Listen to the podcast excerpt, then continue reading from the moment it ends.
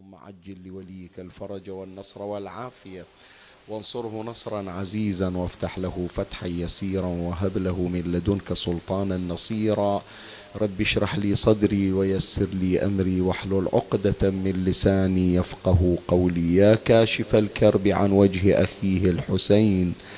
اكشف كربي بجاه أخيك الحسين. نادي عليا مظهر العجائب. تجده عونا لك في النوائب. كل هم وغم سينجلي بولايتك يا علي. يا علي يا علي يا أبا الغوث أغثني. يا فارس الحجاز أدركني بلطفك الخفي ولا تهلكني. يا مولاتي يا فاطمة بنت محمد أغيثيني يا سيدتي. صلى الله عليك يا سيدي ويا مولاي يا رسول الله. صلى الله عليك وعلى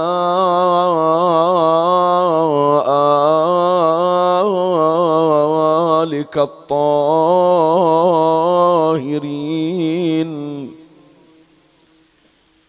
فاز من اعتصم بكم وأمن من لجأ إليكم.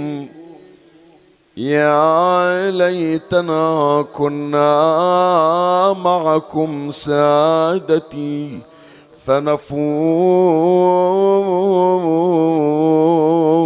فوزا عظيما. قال إمامنا أبو جعفر محمد بن علي الباقر صلوات الله وسلامه عليه. لا بد لصاحب هذا الأمر من عزلة. ولا بد في عزلته من قوة. وما بثلاثين من وحشة. ونعم المنزل طيب.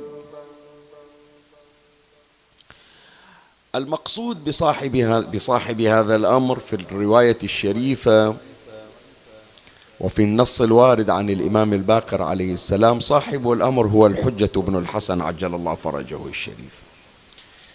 والحديث هذا تحديدا يحمل أسرارا وخفايا بحاجة إلى تأمل يستمر إلى أيام للتوصل إلى مكنون هذا الحديث الشريف.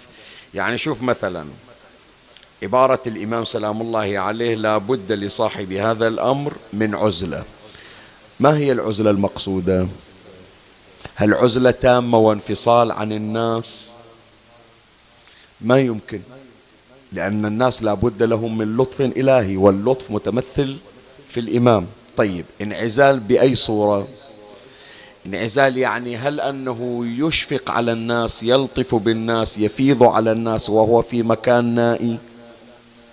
هذا يخلينا بين أمرين. بين أن الإمام سلام الله عليه عايش في معزل لا يلتقي بأحد ولا يرى أحد لأن من شأن العزلة أن تحجب بين الراء والمرء بالمقابل عندنا روايات تشير إلى أن الإمام سلام الله عليه يسير بيننا ويحضر محافلنا ويأتي في كل موسم حج ويأتي في مواسم الزيارة. نعم نحن لا نراه علة عدم الرؤية ما هي؟ بعض الروايات تشير لذنوبنا. مو معنى هذا بأن الإمام مثل من عبر عنه لا جسم له مرئي. لا يرى الإمام.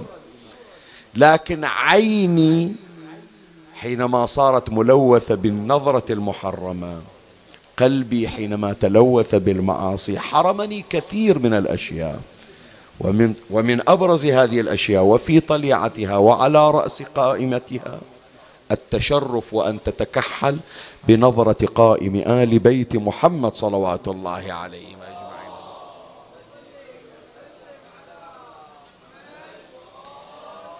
لهذا حديث وارد عن النبي صلى الله عليه وآله غضوا أبصاركم ترون العجائب. من يجون يقرون الحديث شنو العجائب اللي راح نشوفها من نغض البصر؟ غض البصر يعني شنو؟ يعني تبتعد عن النظرة المحرمة بداية تنقية بداية تطهير بداية تخلص من الذنوب. ابتدي حط رجلك على أول الطريق. قول بأنه راح أبتدي بعملية تطهير وفلترة لذنوبي والمعاصي التي أحملها. النبي يقول ترون العجائب. شنو العجائب اللي راح أشوفها يا رسول الله؟ ما حكى. هل سوف أرى ملائكة؟ هل سوف أرى عالما آخر؟ هل سوف أشم رائحة؟ خلي أقول لك حتى شوية أشوقك يعني. أنت تدري عندنا رواية إن شاء الله أخصص لها محاضرة مستقلة. إن شاء الله أوفق وأخصص لها محاضرة مستقلة. مر عليك مصطلح رائحة التفاح؟ مر عليك؟ سامع بهالشكل شيء واحد يقول لي شيخنا شنو رائحة التفاح؟ إيه. عندنا روايات يا إخواني بأن قبر الحسين عليه السلام خصوصا في وقت الفجر تنبعث منه رائحة التفاح. وليش رائحة التفاح؟ مولاة الزهراء عليها السلام تكونت من ماذا؟ أحسن من تفاحة الجنة ولهذا أيضا من السلام عليك يا تفاحة الفردوس الأعلى.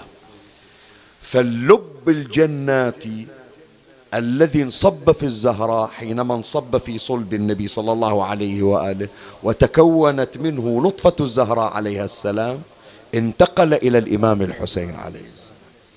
وهذا لا يشمه إلا الخواص. وهناك من وفق لأن يشم الرائحة. واحد يقول شيخنا أنا أقعد مدة بالحرم ما أشم الرائحة. إيه؟ تحتاج إلى قلب طاهر.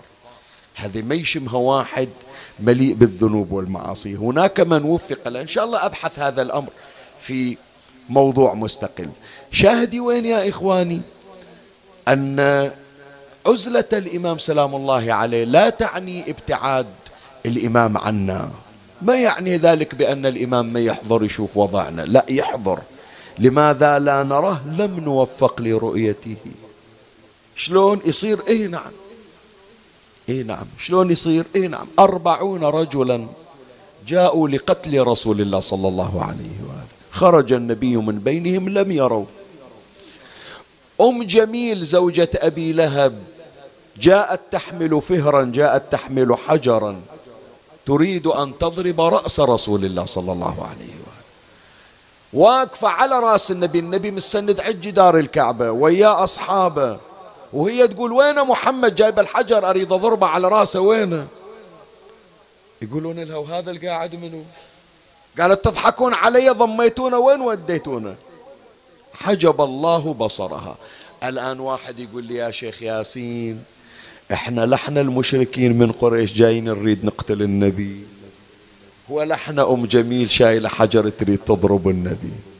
عمي القضية لا قضية الحجر ولا قضية السيف. بس لما يقول لك النبي هذا حرام وانت تقول له لا والله حلال. النبي يقول لك لا حجاب. هي تقول للنبي لا ماكو حجاب. النبي يقول صلي بأول الوقت. أقول للنبي لا يا رسول الله المسلسل أولى من الصلاة في أول الوقت. هاي مبارزة لو مو مبارزة؟ سيان مثل ذاك اللي حمل السيف بوجه النبي.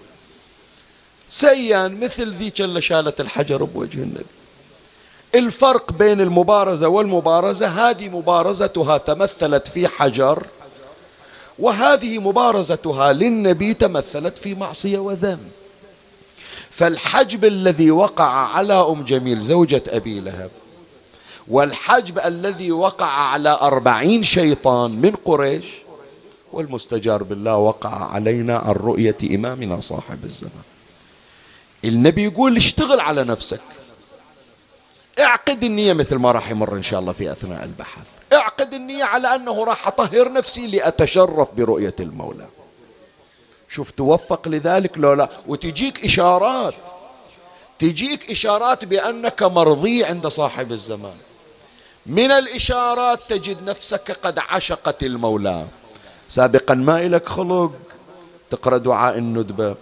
أمك تطلع من البيت وين رايحة يما رايحة مات من نسوان نقرأ دعاء الندبة. أبوك بعد بصلاة الجماعة صلاة الصبح قاعد لدعاء الندبة. قوم روح وياهم يلا حزت النوم أروح أقرأ دعاء الندبة. ما راح أقرأ. شي خلصة. يريد ينام شغلوا اليوتيوب شغلوا مثلا كذا التلفزيون على دعاء. دبندو خلونا ننام. ما إلى خلق دعاء الندبة. يجي يوم وإذا دموع تسيل على خده يوم الجمعة. مو بس من دعاء الندبة. دعاء الندبة وهم أيضا يسميه دعاء الاعتذار. مرة يقول دعاء الندبة يندب إمامه ويندب غيبة إمامه. ومرة يسميه دعاء الاعتذار يقول له سيدي أنا المقصر صار عمري أربعين سنة خمسين سنة وأنا بعيد فيها عنك. ما ذكرتك حتى بدعاء ما ذكرتك حتى بركعتين. من أطلع أروح أزور كل واحد يقلدني الدعاء الزيارة والدعاء والزيارة سويت ركعتين صليت ركعتين حتى أصلي عنهم كلهم إلا أنت الوحيد يا سيدي اللي نسيتك ولا صليت عنك ركعتين. ولا قل وأنت مقلدني في كل عمل بل لم يوفقني الله لعمل إلا ببركة دعواتك لي. أربعينية لو لم تكن تدعو لي يا مولاي ما وفقت لأن أمسك ضريح الحسين. صلاة الليل لو لم تدعو لي ما وفقت لأن أستيقظ نشطا لأصليها. كل هذه أعمال البر والخير توفيقات وفيوضات دعائك لي يا مولاي. ما ذكرتك؟ ما يوم طلعت عنك صدقة. ولدي يسخن شوية قل طلعوا عنا صدقة. بسافر من نركب الباص طلعوا صدقة طلعنا صدقة ما واحد قال راح أطلعها عن صاحب الزمان. والإمام يقول ادعوا لإمامكم بالفرج وفرج عنكم. شايف؟ فهو يوم الجمعة دعاء اعتذار. سامحني يا سيدي على تقصيري معك جاي أكفر عن خطأ القطيعة. يوم الجمعة يعتبون علي أمي وأبوي وإخواني. ما مريت علينا اليوم الجمعة تجمعنا ما مريت علينا. خاف يزعلون لازم أروح. ما أقول إمامي يشتاق لي يقول ما مريت علي. حتى ما ذكرتني أول ما فكيت عينك. ما تقول وين صاير أبي رضوى أم بأخرى؟ شايف؟ فهذا كلام يا إخواني في العزلة هذا سر من الأسرار. كيف هي عزلة الإمام؟ وهل أن الإمام معزول عنا؟ أو أننا نحن المعزولون عن الإمام؟ والله واقعا يا إخوان نحن المعزولين. أي والله. الإمام يستنقي الله إلى أفضل المخلوقات. إي والله وداعتك.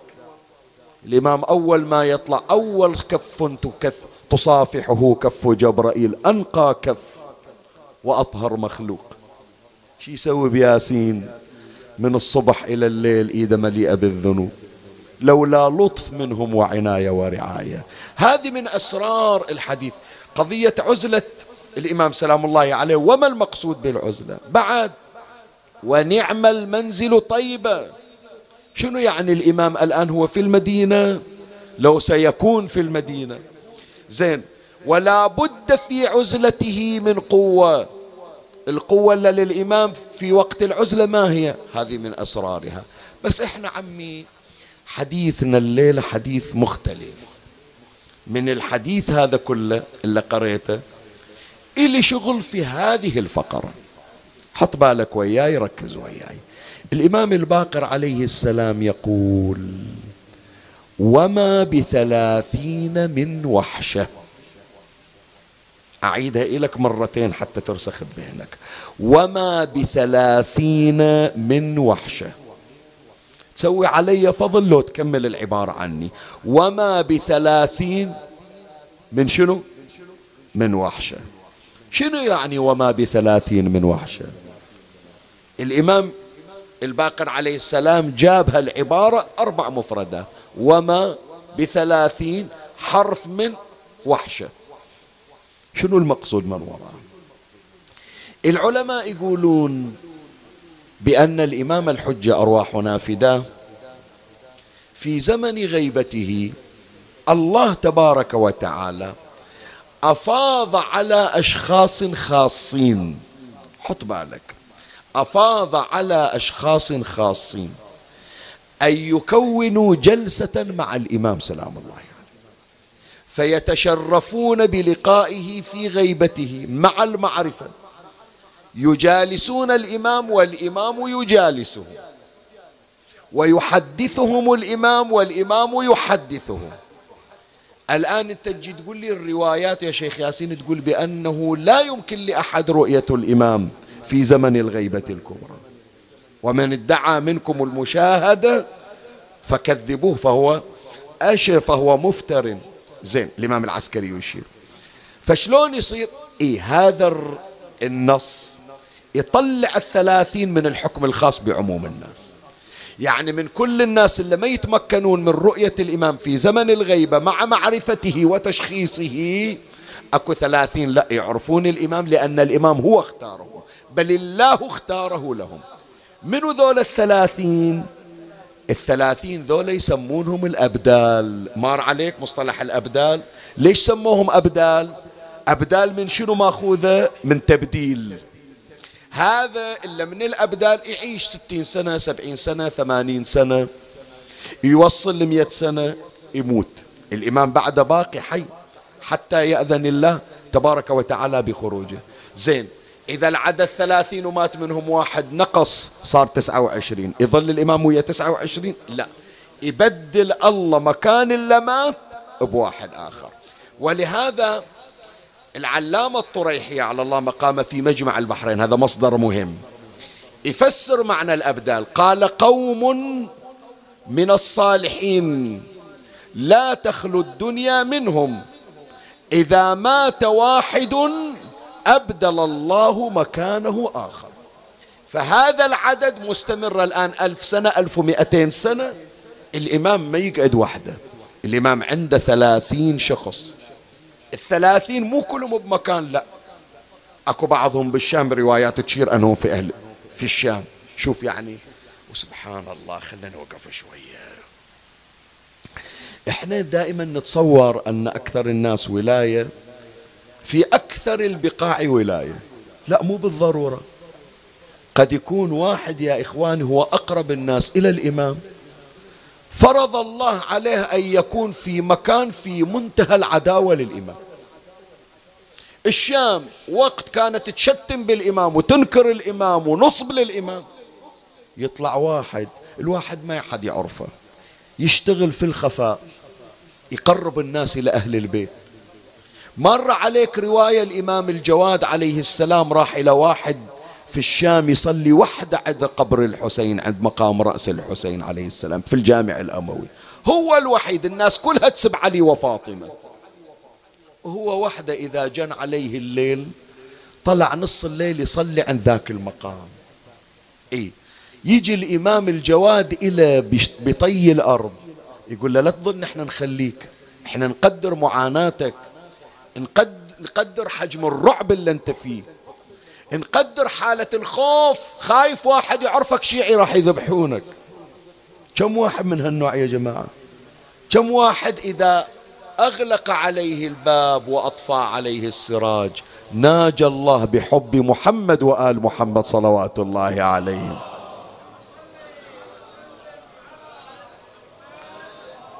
فذول الأبدال قد يكون موجود. بكربلاء بالنجف بمشهد بمكة بالمدينة. قد يكون في منطقة منطقة بعيدة والمنطقة البعيدة مليئة بالمبغضين مثل ما عاش مؤمن آل فرعون. ويا فرعون في قصر واحد مثل ما عاشت زوجة فرعون. نايمة ويا فرعون على سرير واحد. زين ما تحت ما تحسيب لو غمضت عينها. خاف تقول موسى خاف تقول لا إله إلا الله يسمعها فرعون يقتل. خوف خوف ورعب. هذول يحصلون على عناية خاصة. فالإمام يجي إلهم يقول لهم هذا كله تحملكم من أجلنا. فإحنا نعوضكم. تشرفت برؤيتي وبمجالستي. هذول الأبدال يا إخواني في زمن غيبة الإمام سلام الله عليه يلتقي بهم ويلتقون به. يجالسونه ويجالسهم يأنسون بحديثه ويأنس بحديثه. اللهم اجعلنا منهم الذين اختصهم الإمام لنفسه. الليلة باعتبار ذكر الإمام الحجة أرواحنا فداه والليلة النفوس عادة متوجهة إلى الإمام في تنصيبه في استلامه إلى زمام الإمامة. مع العلم أن قلب الإمام لا زال مجروحا مما مر عليه هذا اليوم بل في هذه الأيام الخوالي. نحب شوية يا إخواني الليلة يصير مجلسنا مجلس مهدوي. نريد نزداد تعلقا ونخلي أولادنا وبناتنا يزدادون تعلقا به صلوات الله عليه. حتى نعرف يا إخواني أتمنى هي الرسالة توصل في الأذهان. شوف مهما كانت لذات الدنيا عندك في منتهى المتعة شيخنا مللتونا قرايات وصلوات. خلونا ناخذ راحتنا عاد. اي اخذ راحتك عم تونس. لكن إذا ظهر إمامنا ذلك اليوم ستعلم بأن الدنيا برمتها وما فيها من متعة ولذة. لا تعادل لحظة تكحل عينيك برؤية وجهه القمر وحقك وداعتك. إي والله. شوف لذات الدنيا هذه شوف ونسة الدنيا هذه كلها. شوف سعادة الدنيا هذه اللي تشوفها في منتهى السعادة. إذا جاء اليوم الذي تجلس فيه في مجلس الإمام إذا الله أعطاك ذاك اليوم اللي تصلي وراء الإمام في مسجد الكوفة إذا الله رزقك أنه تمشي ويا الإمام في مسيره من الكوفة إلى كربلاء. تقول أنا وين؟ أي دنيا أثاري أنا أمشي في قبر وأنا ما أدري. هذا خلي أحكي ويا الزوار اللي توهم جاي من كربلاء. عمي بشرفك قل لي. واحد يقعد ليلة الجمعة في صحن الحسين يقرأ دعاء يفكر بعد البحرين إيش فيها وما فيها. سؤال أسأل. تفكر بأهلك تفكر بعائلتك. تفكر بعملك تفكر بكسبك. تفكر بهمومك أي هموم؟ هذا دواء الهموم. هذا البلسم هو الحسين هو البلسم. فعمي إجينا إلى الحسين في صحن الحسين قبة الحسين هي كحل العيون. هذا لو أقعد ويا صاحب الزمان. هذا لو يختارني الإمام من بين المليارات اللي جاية تسلم عليه تعال تعال يا فلان خلي أسولف وياك. عمي أي دنيا؟ فإحنا الليلة نريد مجلسنا مجلس مهدوي. وأكو اسم شاع وذاع في الآونة الأخيرة. إحنا ذاكرينه ومتعرضين إليه. لكن هذا كان ينبغي أنه إحنا نتعرف عليه أكثر حتى نستنسخ أنفسنا منه حتى نسوي لأنفسنا كوبي من شخصيته. شخصية علي بن مهزيار. أو بالأحرى هو هذا الاسم الفعلي. حط بالك لأنا راح أوضح. مو علي بن مهزيار علي ابن إبراهيم ابن مهزيار. فلما يقولون علي ابن مهزيار يجيبونها تجردا. مثل ما يقولون ياسين الجمري بعد ما يقول ياسين محمد حسين عمران عبد الله إلى أن يوصلها لآخر شيء الجمري. يختصرها. لا إحنا عندنا اثنين. عندنا علي ابن مهزيار وعندنا ابن أخوه علي ابن إبراهيم ابن مهزيار. إبراهيم ابن مهزيار أخو علي ابن مهزيار.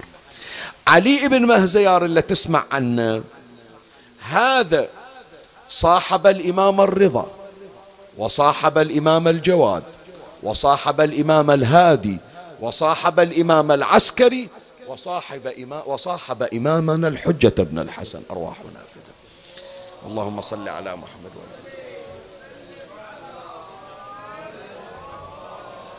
شوف التوفيقات عم شلون هذه؟ شوف التوفيقات. واحد يقول شيخنا خلصت من العراق ورحت مشهد ومن مشهد طلعت العمرة. فالله أعطاني زيارة الأربعة عشر في أسبوع واحد. يعتبرها هذه رحلة العمر. هذا عمي أفنى عمرة في وجوه الأئمة. شو تقول؟ سعادة لو مو سعادة حج؟ وأي سعادة. هذا علي ابن مهزيار اللي هو ثقة العلماء. عم علي ابن إبراهيم اللي تسمع عنه. إذا مر عليك سلام فرمندة علي ابن مهزيار اللي شاع الاسم هو علي ابن إبراهيم ابن مهزيار. وهو الشخص الذي شرفه الله تبارك وتعالى بالالتقاء بالإمام سلام الله عليه.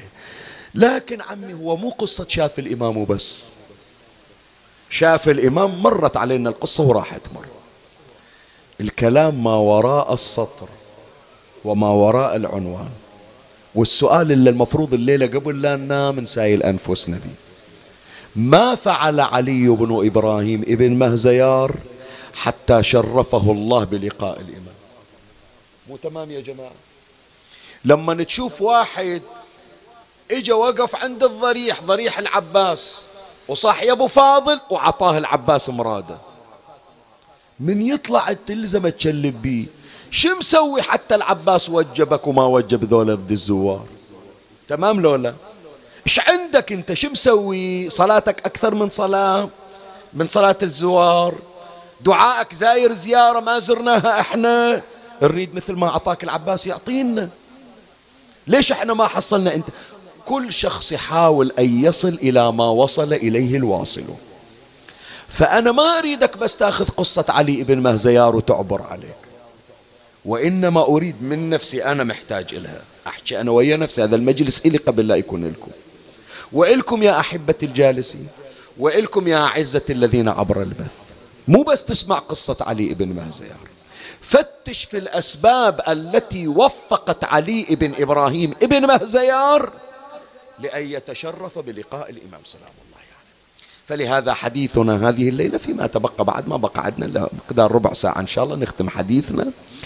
نتحدث فيه عن علي بن مهزيار وقصة عشق الالتقاء والتي من خلالها وفقه الله تبارك وتعالى لمجالسة الإمام ثلاثة أيام يأكل مع الإمام من مائدة واحدة تأتيهما من الجنة. والإمام اللي رسل إلى قال له أنا مشتاق إليك طرش إلى وجابه. فإحنا نمر على ما صنعه علي بن إبراهيم. ثم بعد ذلك نمر في الفصل الثاني وننقل ما نقله علي بن إبراهيم. شاف إلا شاف الإمام شلون يوصف الإمام؟ هذا ما سوف أتناوله فيما تبقى عندي من الوقت ومن الله أستمد العون والتوفيق ومن مولاي أبي الفضل العباس المدد وألتمس منكم الدعاء. وثلاثا بأعلى الأصوات صلوا على محمد وآل محمد.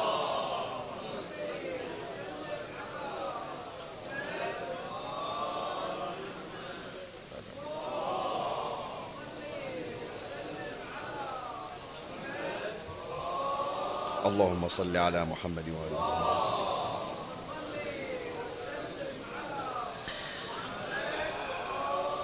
مولاي الكريم أنت حيثما كنت اسمعني وفرغ لي قلبك وأعرني سمعك وأقبل علي بكلك. بعد هذا التمهيد الذي قدمته لحضرتك حتى أهيئ نفسك لاستقبال عشق الحديث عن المعشوق إمامنا صاحب الزمان عجل الله فرجه الشريف. أشرع معك في بحث هذه الليلة وهو بعنوان علي بن مهزيار قصة عشق الالتقاء. والبحث مكون من فصلين. أما الفصل الأول فنتحدث فيه عن موفقيات علي بن مهزيار لشرف الالتقاء. إيش سوى علي بن مهزيار حتى صار موفقا؟ لأن يجالس الإمام سلام الله عليه. يعني. أما الأمر الأول وهذا هو أهم الأمور. أهم من أي شيء آخر تتصوره هذا اللي يخلي الإمام هو يريد يشوفك.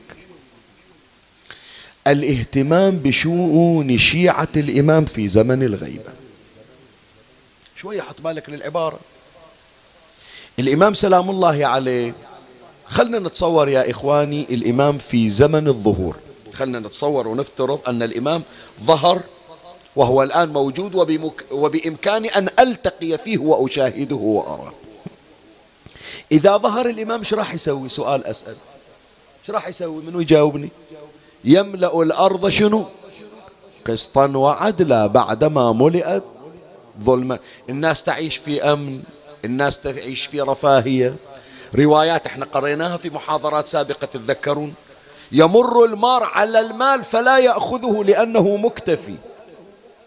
تخرج المرأة المرأة من صنعاء إلى عدن أو من الشام إلى اليمن ولا يعتدي عليها أحد. يلعب الصبيان بالحياة والعقارب يعني الأمن حتى أمن تكويني مو أمن مادي ممكن أن أحد يسوي. أمن الله كأنما الناس عايشين بالجنة. شو تقولون يا جماعة؟ لو الجنة فيها سباع وأغنام هل تفترس السباع؟ الأغنام. سؤال أسأل. عمي الله جاب لنا تجربة سفينة نوح. مدة سبعة أيام بعضهم يقول سبعة أيام بعضهم يقول أربعين يوم كان مدة رحلة نوح في السفينة. ما اعتدى السبع على الأرنب أو الظبي أو الغزال أو الغنم. حتى يقول من تجي حكومة الله الله راح يوفر كل شيء إلى الناس. قد كثير سألوا أشكلوا هذا الإشكال. شيخنا إذا السبع ما يأكل الغنم منين يأكل؟ الإمام يهيئ إلى الطعام والزاد كما هيأ نوح للسباع الزاد. الإمام مو عاجز والله مو عاجز بس الله يريد يراوي الناس الأمن الرباني الذي جاء به قائم آل بيت محمد صلوات الله عليهم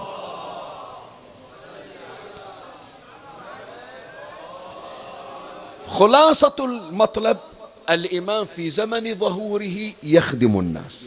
وظيفته شنو؟ خدمة الناس. فأنت في زمن الغيبة من تقوم بخدمة الآخرين بالاهتمام بشؤونهم بتفقد أحوالهم ولو بمقدار السؤال ولو بمقدار واحد طايح بشدة خابرة تتصل لفلان ترى إحنا وياك. بمقدار ما عندنا. لا تقول ناسينك لا تقول ما ندري عنك. هذا الارتباط هذا التلاحم الإمام يخليه يتوجه إليك. ولهذا تدرون يا إخواني علي بن مهزيار أول ما التقى بالإمام. إيش قال للإمام الحجة أرواحنا فداه لا سأل عن صحته. لا قال له عندك فلوس لو ما عندك فلوس. ما قال له وين ساكن. ما قال له شنو؟ وضعك أنت الشخصي. خلي أقرأ لك ما قاله علي بن مهزيار عن أول خطاب سمعه من الإمام الحجة. الرواية يذكرها. العلامة المجلسي في بحار الأنوار جزء 52 صفحة 12 قال علي بن إبراهيم سألني من السائل؟ الإمام سلام الله عليه. يسأل منه علي بن مهزيار علي بن إبراهيم ابن مهزيار. قال سألني عن أهل العراق. فقلت سيدي قد ألبسوا جلباب الذلة يعني يقول أنا مو قاعد هو أهوازي علي بن مهزيار الأهوازي. يقول أنا مو بعيد ولا أدري عن وضعهم شايل همهم بقلبي. وأروح أتفقد أحوالهم. قد ألبسوا جلباب الذلة وهم بين القوم أذلاء فقال لي يا ابن المازيار الإمام ما يسميه مهزيار مازيار. فقال لي يا ابن المازيار لتملكونهم كما ملكوكم وهم يومئذ أذلاء يعني الفرج راح يجيكم. وهذه رسالة أنا أبعثها إلى أحبائنا إلى عشاقنا إلى توائم الروح في عراقنا الحبيب الجريح. إلا هم ويانا دائما حريصون أن يكونوا معنا. عبر البث وأنا ممتن لهم خصوصا اللي التقيت بهم في كل أرجاء العراق التي شرفني الله تبارك وتعالى أن تطأ قدمي ترابها المقدس. أنتم بعين الإمام الحجة. إذا غفل عنكم الغافلون إذا نهب أموال أموالكم الناهبون. إذا تعرضتم إلى الظلم وما أكثر الظلم الذي مر على العراق وأهل العراق. إن غفل عنكم كل العالم فلا يغفل عنكم صاحب الزمان. هذه الكلمة فكروا فيها قصة علي بن مهزيار أول ما يسايل الإمام عن أهل العراق. شلون هالعراق؟ بيوتنا هناك أول ما أجي راح أسكن عندهم. جيراني العراق أحبائي اخترتها بلدي. فأنتم بعينه. والإمام سلام الله عليه يهيئ أحبته ليهتموا بشؤونكم.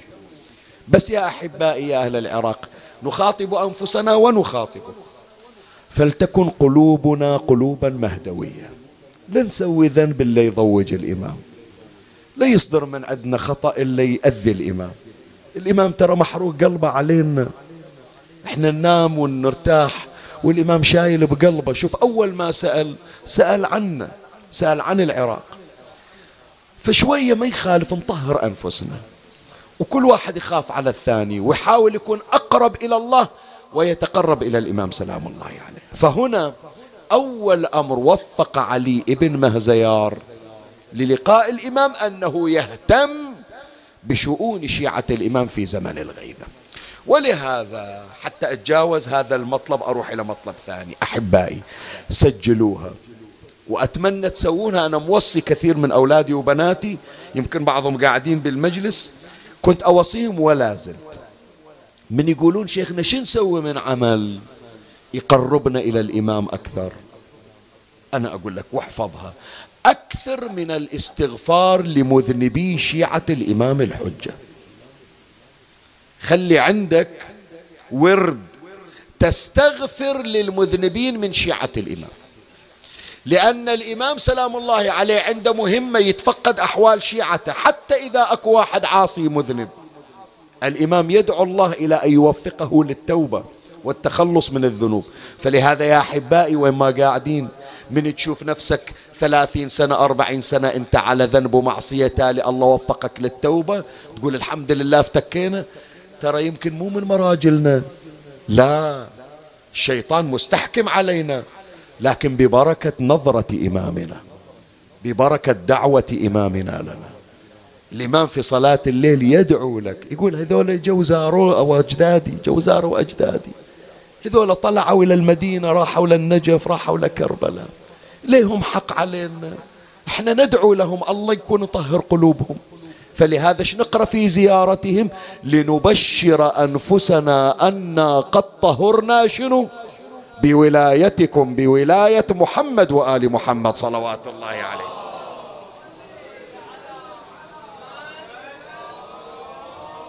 فهذا علي بن إبراهيم واحدة من الأمور اللي كان يسويها واللي تعلمها من عم علي بن مهزيار.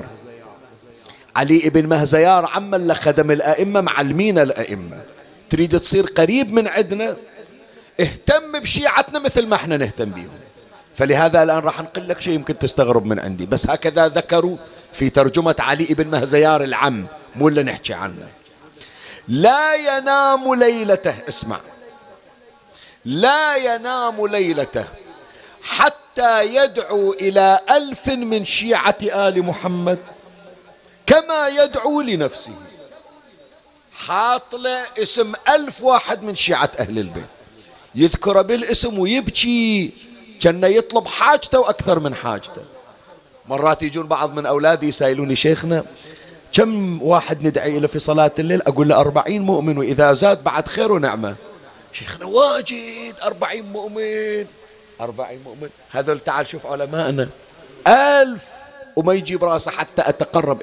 هي من الأمور المقربة إلى الإمام أن تهتم بشؤون شيعة الإمام خصوصا المحروم. أي محروم؟ مو لازم محروم من فلوسه لا. عمي الفلوس تتعوض. بس اللي محروم من الاستقامة اللي محروم من الهداية حتى هذا الشخص المذنب حتى هذا الشخص العاصي. انظر إليه بنظرة الرحمة وادعو له بالهداية لأن الإمام يدعو له. بذلك تكون أقرب للإمام. سلام الله عليه. هذا واحدة من الموفقات. الثاني من الموفقات الاستغراق في عشق الإمام المنتظر. لما يقولون لك حتى تشوف الإمام تحتاج أنه تصلي خمسمية ركعة. أوه خمسمية ركعة. شي يخلصها هذه. إحنا صلاة جعفر واجد علينا. خمسمية ركعة شي يخلصها. تدري هذا علي ابن إبراهيم ابن مهزيار؟ إيش سوى حتى يشوف الإمام؟ تسمع. عشرين سنة يروح الحج. عشرين سنة. وروحة الحج عمي مو مثل روحتنا إن شاء الله تقول لي مثل الآن طائرة ولا أنت واصل؟ وإن شاء الله بتقول لي بأن الحج لا والله رحنا وحجينا ورجعنا وسن... وسويت ذنوب وأرد أروح الحج. لا. يروح الحج حتى يخرج من ذنوبه كيوم ولدته فيه أمه ويتعب على نفسه طوال السنة ما يصدر من عنده ذنب. ويرد يروح حجة ثانية حتى يضيف الطهارة إلى الطهارة. عشرين سنة لا قال مليت ولا قال شليت ولا قال لو باشوف إن كان شفته من زمان. ولا قال يمكن الإمام ما يريد يشوفني خلاص بطلنا أدعو وانتهينا هذا إحنا دعاء ندبه وكافي. خلي أذكر لك شو يقول علي ابن مهزيار. حتى تعرف هذا الموفق شلون حصل. يذكرها المجلسي في 52 من بحار الأنوار صفحة تسعة. واحد يسأل علي بن مهزيار اسمه حبيب الصنعاني حبيب ابن شاذان الصنعاني. قال دخلت إلى علي بن إبراهيم ابن مهزيار الأهوازي. فسألته عن آل أبي محمد. حط بالك للعبارة. شنو آل أبي محمد؟ آل أبي محمد يعني الإمام الحجة. أبو محمد يعني الإمام العسكري. الإمام العسكري ما عنده إلا الإمام الحجة. بس ما يقولون عن الإمام خوفا عليه. يقولون آل أبي محمد حتى يضيعون القصة مثل ما نقول. فسألته عن آل أبي محمد عليه السلام. شوف علي ابن إبراهيم يقول ليش جاي تسأل أنت؟ تعرف أنا شنو من شغل سويته؟ حتى الله يشرفني بهذا الشرف. قال يا أخي لقد سألت عن أمر عظيم. حط بالك عندي كلمة كلمة مكونة من ثلاثة حروف لكن تحتاج إلى تأمل من عندك. لقد سألت عن أمر عظيم. حججت عشرين حجة كلا. كلا يعني شنو؟ كلا يعني أصعب كل حجة أصعب من الثانية ليش قال كلا يا جماعة؟ أول حجة قال أريد أجيبها مناسك مضبوطة. جاب المناسك مضبوطة. انتهت الحجة ما شاف الإمام. قال عجل تحتاج حجة ثانية. حجة ثانية مناسك مضبوطة بزيادة مستحبات. ما شاف الإمام. قال عجل تحتاج إلى عملية تطهير. تطهير ذات يكون أغض الطرف ما أطالع ما أسمع أي كلام. حج السنة الثالثة بواجبات بمستحبات بتطهير قلب. ما شاف الإمام. قال تحتاج حجة هذه كلها مي مقبولة. أحتاج إلى حجة غيرها. وعشرين حجة. عشرين حجة. وما قال خلاص تعبت. لو بشوف الإمام كان شفته. اسمع شو يقول. حججت عشرين حجة كلا أطلب به عيان الإمام. مو بس معرفة الإمام مو بس حب الإمام. أريد شنو؟ أشوف الإمام معاينة الإمام عيان الإمام. فلم أجد إلى ذلك سبيلا. ناس تضحك على يدي بس سكعات فلم أجد إلى ذلك سبيلا. فبينما أنا ليلة نائم في مرقدي إذ رأيت قائلا يقول يا علي بن إبراهيم قد أذن الله لي في الحج. ابشر هالسنة راح تشوفه. تعبت على روحك راح نكافيك بأن ترى قائم آل بيت محمد صلوات الله عليه.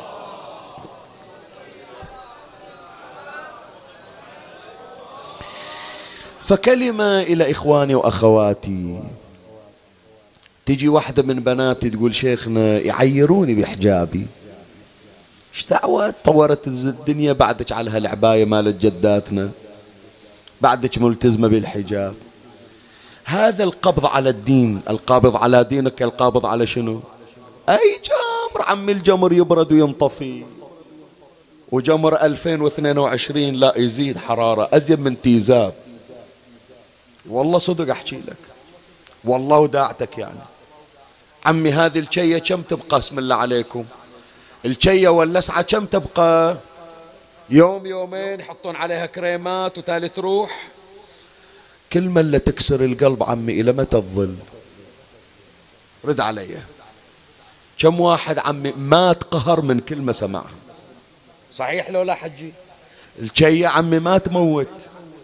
لكن أكو كلمة عم تغص تنغص الدنيا وتقضي على الحياة. هذا هذا اللي يتعب على دينه. يقول ما يخالف. خلى الناس كلها. خصوصا إذا جت الكلمة اللي تغث من أقرب المقربين. خصوصا إذا كانت الكلمة من زوج الناس كلهم يشوفونها عفيفة وهو يشوفها منحرفة. إذا إجت الكلمة من أخ الناس كلهم يقدرونه وهو الأخ اللي يطعن بظهر أخوه. إذا إجت الكلمة من أب وأم إذا إجت الكلمة من أرحام إذا إجت الكلمة من جيران. هذا عمي يعيش الموت ألف مرة كل يوم. ومع ذلك يقول في رضا صاحب الزمان. فلهذا وصيتي إلى كل متأذي. أنا أعرف أكو أشخاص يراسلوني بالبحرين وخارج البحرين. أقول دعوها في سجل صاحب الزمان. دعوها في سجل صاحب الزمان. وتذكروا علي ابن إبراهيم. عشرين سنة تعبان على روحه. قال ما يهمني رضا مولاي هو الأهم. حصلها تالي لو ما حصلها. إي والله حصلها. صدق الذوق لكن بالأخير نال سعادة ليس كمثلها سعادة. اليوم اسمه موجود في بحار الأنوار وفي غيبة الطوسي يسمونهم المتشرفون بلقاء الإمام. في طليعتهم علي ابن إبراهيم ابن معزيار. فهذا الأمر الثاني وهو الاستغراق في عشق الإمام المنتظر. بعد الأمر الثالث حتى نختم هذا المطلب راح أكرره ثلاثا. صلاة الليل. صلاة الليل. صلاة الليل وما أدراك ما صلاة الليل. خلي أمتحنك بسؤال. خلي أمتحنك بسؤال. راح أوجه السؤال وأنتظر من عندك إجابة. وراح نشوف الإجابة شلون. حتى اللي قاعدين الآن ببيوتهم عبر البث اللي يسمعونا فيما بعد السؤال هم موجه لكم. تخيل جنابك ضريح الحسين مغلق أسبوع. وإنت سفرتك ثمانية أيام. أول ما طبيت وإذا الضريح مغلق فما تصلي إلا في الصحن. الليلة وباكر راح تسافر. واقف تريد تصلي صلاة الليل شوية وإذا باب الحضرة انفتح. انفتح ينظفونه وتعالوا يا زوار إذا تريدون تقبلون. السؤال تصلي صلاة الليل لو تروح تقبل الضريح. شوية عمي لا تستعجل بالجواب. خذ راحتك شوية ثلاث ثواني ورد علي. وكن صادق مع نفسك ومع الله قبل لا تصير صادق مع الآخرين. شو تقولون؟ الضريح لو صلاة الليل. الضريح عدل. بعد أبو جميل. شو تقولون؟ أبو ياسين يقول صلاة الليل. زين. عمي هذا خلنا بنشوفه الحين. علي ابن مهزيار مو رايح يشوف ضريح. لا رايح يقعد ويا الإمام. رايح يقعد ويا الإمام. رايح يصافح الإمام وقبل الإمام. فشو تقول عمي؟ يبدي بشنو؟ بصلاة الليل لو بالإمام. بالإمام؟ زين هذا كلامنا. خلنا نشوف علي ابن مهزيار شو يقول. قال علي ابن إبراهيم. الإمام رسل إلى واحد يجيبه بآخر حجة الحجة الواحد والعشرين. الإمام كان في الطائف وطرش واحد إلى مكة قال علي ابن إبراهيم ابن مهزيار يطوف روح جيبه أريد أشوفه. فإجا هذا المرسول من الإمام وأخذ علي ابن إبراهيم وطلع من مكة وإجا يمشي وياه. على منى على مزدلفة على عرفة وطالعين من عرفة رايحين إلى الطائف حيث يلقى الإمام. اسمع ما يقول علي بن إبراهيم. قال فما زال يحدثني منه الرسول اللي رسل الإمام. فما زال يحدثني وأحدثه حتى تخرقنا جبال عرفات وسرنا إلى جبال منى وانفجر الفجر الأول يعني صار وقت صلاة الليل. ونحن قد توسطنا جبال الطائف وصلنا كل إمام خلاص قدامنا.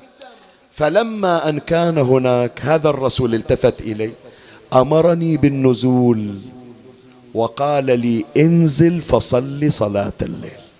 زين بروح للإمام بصلي ويا الإمام. لا الإمام يدور ناس أنقياء مو أي واحد يمر عليه. انزل فصلي صلاة الليل. فصليت وأمرني بالوتر فأوترت. شوف هذه العبارة كلها إلي شغلة في هالكلمة. وكانت فائدة منه. شنو يعني يا جماعة؟ عمي يمكن إحنا نوصل إلى الضريح ممكن. يمكن تبوس الشباك ممكن.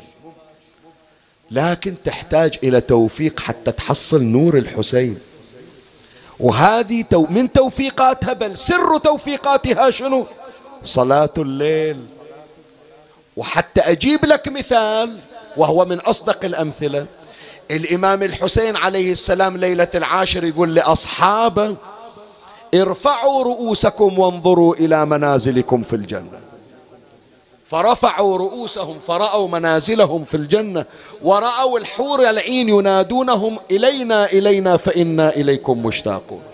عم اللي شاف قصره بالجنة يحتاج بعد يصلي صلاة الليل؟ أنا وأنت تقول شبعنا إلا الجنة اللي أريدها حصلتها لكن عقب ما شافوا منازلهم وبات الحسين وأهل بيته وأصحابه ولهم دوي كدوي النحل ما بين قائم وقاعد وراكع وساجد وتال للقرآن. عمي ما حصلوها ببلاش. عمي ما حصلوها ببلاش. الجنة عمي كل واحد يطب الجنة يصدق مع الله عز وجل. لكن ما تحصل صديق مثل أبي الفضل العباس. إن لعب إن لعمي العباس منزلة يغبطه عليها جميع الشهداء يوم القيامة. فهذا عمي من أسرار صلاة الليل. لا تقول والله حصلته بس لا سر صلاة الليل يعطيك توفيق فوق التوفيق. بهذا انتهى المطلب. ونختم حديثنا. نذكر هالكلمة كلها ما تاخذ دقيقة واحدة والمجلس يكون مكتفي إن شاء الله. وصل علي بن مهزيار علي بن إبراهيم ودخل على الخيمة التي فيها صاحب الزمان. الشاف بأي صورة رأى؟ هذا مو شيخ ياسين يقرأها. هو علي بن إبراهيم ينقل لك كيف رأى الإمام. قال فدخلت فأذا فإذا أنا به جالس قد اتشح ببردة واتزر بأخرى وقد كسر بردته على عاتقه. يعني جزء من كتف الإمام طالع. اسمع التوصيف. إلا أروع الشعراء ما يقدرون يجيبون هالتوصيف. وهو كإقحوانة أرجوان قد تكاثف عليها الندى وأصابها ألم الهوى. وإذا هو كغصن بان أو قضيب ريحان. شلون صفته؟ قال سمح سخي تقي نقي ليس بالطويل الشامخ ولا بالقصير اللازق بل مربوع القامة مدور الهامة صلت الجبين أزج الحاجبين. أقنى الأنف سهل الخدين. اسمع هذه الكلمة التي يعشقها عشاق الإمام. على خده الأيمن خال كأنه فتات مسك على رضراضة عمر يقول بقد ما أنا مشتاق إلى قام إلي وضمني إلى صدره وثلاثة أيام هو في ضيافة صاحب الزمان. اللهم ارزقنا شرف رؤيته. اللهم كحل أعيننا بنظرة إليه لا نشقى بعدها أبدا. أريد أختم المجلس مجلس كافي إن شاء الله. وإن شاء الله ازددنا حبا وعشقا. وهذا هو المراد وهذا هو المأمول. خلصت الزيارة. علي بن أبي علي بن إبراهيم يريد يطلع.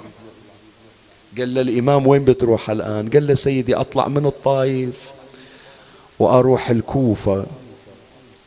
قال له إلى الكوفة؟ قال له إيه نعم. قال بعيد عليك. راح أجيب لك خادم. الخادم يعاونك بالطريق. خاف تريد تشيل حاجة. خاف تريد تنام. خاف الطريق حر. فهذا الخادم يخدمك لأن الطريق صعب. سيدي يا صاحب الزمان شقد حنون؟ شقد حنون على محبيك أنت؟ خايف على واحد عشرين سنة يحج وتعبان على حسابك من مشية من الطائف إلى الكوفة. ليش تبكي عمي أبو علي؟ ليش تبكي شو تذكرت بكاك يا الحنون يا صاحب الزمان أشفقت على علي بن إبراهيم بن مهزيار في طريقه من الطائف إلى الكوفة. والحال هو لوحده ليس معه عيال ولا أطفال. فلو نظرت إلى عمتك زينب يا سيد من كربلاء إلى الكوفة ومن الكوفة إلى الشام وهي القائلة إن دمعت منا عين قرعت بكعوب الرماح. سيدي ابن مهزيار ما تعب يوم شافك نسى التعب. عمتك زينب هي القائلة لقد كللت من الدفاع عن حرمك وعيالك وهذا متني قد اسود من الله. بعد انهد حيلي يا أبو علي طاقة ما ظلت عندي. حتى صلاتي من جلوس يا حسين. يا مولاي يا صاحب الزمان كان طرشت واحد يعاونها بدربها. يا قرها المصيبة هذه. بنية الذرية الصالحة للمحروم من الذرية ولسلامة أولادنا وخصوصا الأولاد المرضى. السبايا يمشون في البر ورأس الحسين على رمح طويل.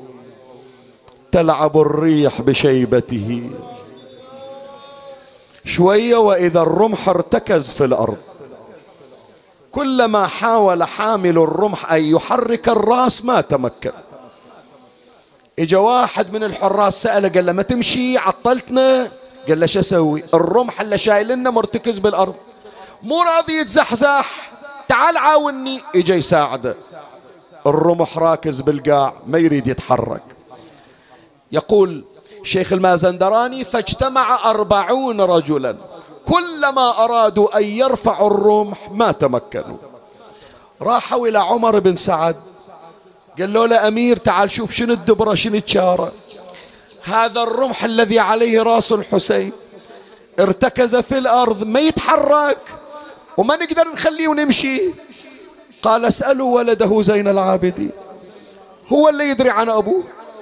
الحسين كله أسرار هو يدري عن أبوه. اجوا إلى زين العابدين إلى زين العابدين. شلون حاله جامعة الأسر على صدره القيد والغل في يديه ورجليه. إجا إلى زجر بن قيس يا ابن الحسين الرمح الذي عليه رأس أبيك ثابت بالأرض مو راضي يتحرك شين القضية؟ قال فتشوا المحامل لعل طفلة وقعت. أبويا ما قطعت راسنا وقطنا ساننا حنون علينا أبو علي. حتى وراسه على الرمح ما يخلينا. خاف واحدة من بنياته طاحت بالدرب قالوا زين شي دلينا البر واسع أكفر قال انظروا إلى عين والدي وين طالع؟ هناك طايحة واحدة من خواتي. إجوا إلى راس الحسين. شافوا وإذا عين الطالع بالبر ودموع تصب على خده يا غيارة يلي عندكم بنيات صغار ما تنام إلا على ذرعانكم. نظروا في البر وإذا صوت طفلة صغيرة تنادي وأنا عند من تركتموني في هذا؟ يا عمي سمعني صوتك. اختم الموسم. ويلي يا أختي يسكن على المطية ركبيني واني العزيزة شلون بالبر تتركيني؟ ما أقدر على قطع المسافة تعرفيني؟ وحسرتي وأنا غريب هاشمي. أويلي سكنة على اللاقة تحن ودق صدرها. تجذب الولة وتصد للطفلة بنظرها. يا وكل ما تنادي يا زجر سبها وزجرها. ويقول سكت من البكاء يا الخارجي. أويلي. قالت لذب روحي من الناقة للتراب. ما أقدر أشوف أختي قلبها من الشمس ذايب والمشتكى لله ولابويا داحيل. الباب ورد الرجس ليه وكبده ملتضي. البيت قاسي خلي أقرأ على راحة خاف أوجع قلب إمامي. قام يتلوى الصوت والطفلة على القاع. نوب على الهامة ونوب فوق الأضلاع. يا سادة وذيك اليتيمة مالها ساتر. ولا قناع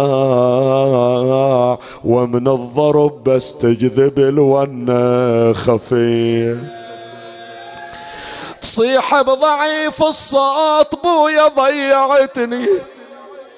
وأني غريبة بهالفيافي يتمتني.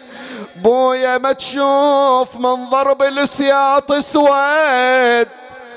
متني ومن الضرب يا أبوي ما ظل جلد لي.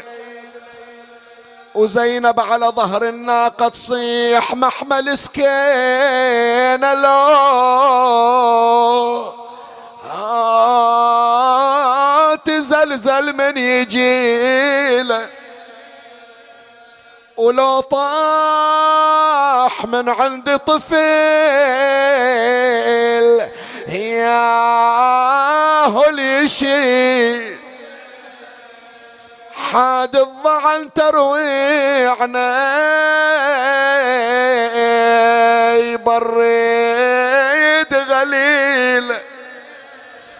وهالبر الاقفر ما تقطع الا الرجاج. مسك الختام.